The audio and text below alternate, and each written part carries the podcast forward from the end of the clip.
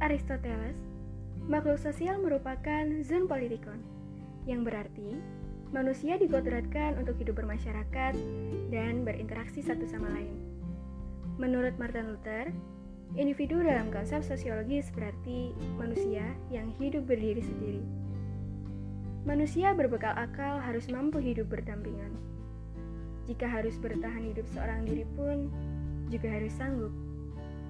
Menurunkan ego untuk hidup berdampingan dengan jiwa lain itu nggak mudah. Jika harus hidup sendiri tanpa bantuan orang lain, juga susah. Hal-hal kayak gini bikin kita belajar bagaimana caranya menghargai tanpa harus kehilangan jati diri.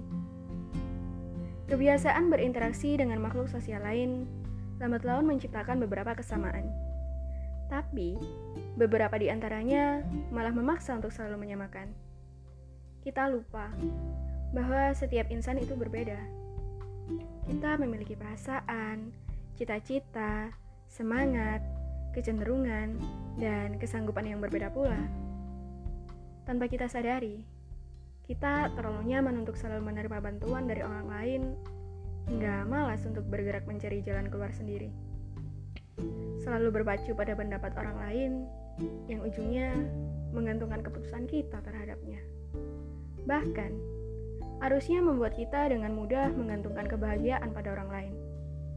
Hei, sadar, gak semua masalah bisa kita ceritain ke orang lain.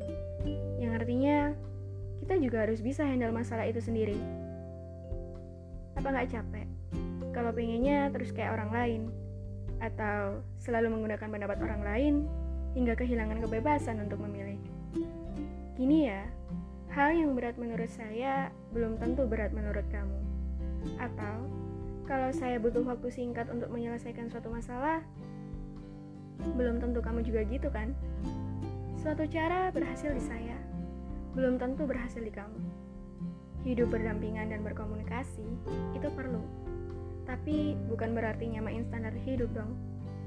Gak semua harus pakai kata kita. Beberapa hal perlu berdiri sendiri untuk memberi kebebasan pada privasi. Bukan hal yang salah untuk mendengar suara lain. Tapi, jangan sampai melupakan kata hati dan kesanggupan demi mengikuti standar hidup orang. Pencapaian orang lain sering kali bikin kita merasa minder. Harusnya, bukan pencapaiannya, tapi proses dia dalam mendapatkan mimpinya. Itu yang perlu kita jadikan acuan buat ngejar mimpi-mimpi kita. Tenang, kita punya waktu kita masing-masing kok. Tentukan standar kita sendiri dan jangan melulu ingin yang instan. Bahagia itu sederhana, yang mahal, yang gengsinya. Ngomong-ngomong tentang gengsi, sering banget nih kejadian kayak gini. Contohnya pas kita lihat teman kita punya barang baru. Rasanya pengen banget punya barang yang sama. Tuh kan, lagi-lagi masa buat sama. Kalau sama nafsu, akhirnya kebeli juga tuh barangnya. Ah, tahu-tahu malamnya nggak bisa tidur. Kepikiran banget besok mau makan kayak gimana caranya. Ternyata belum bayar ini itu, gaji belum cair, gak ada pemasukan, tapi duit udah habis buat beli gaya hidup. Ternyata senangnya cuma sesaat aja sih. Tapi nggak pernah mikir ke depannya bakal kayak gimana. Kebanyakan maksa sih. Jangan hanya karena ingin dianggap berhasil, lantas kita menghalalkan segala cara ya. Bukan kayak gitu konsepnya.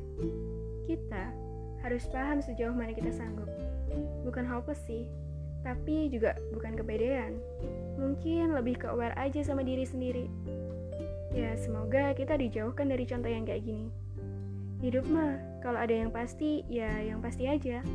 Jangan kayak doi yang gak pernah kasih kepastian.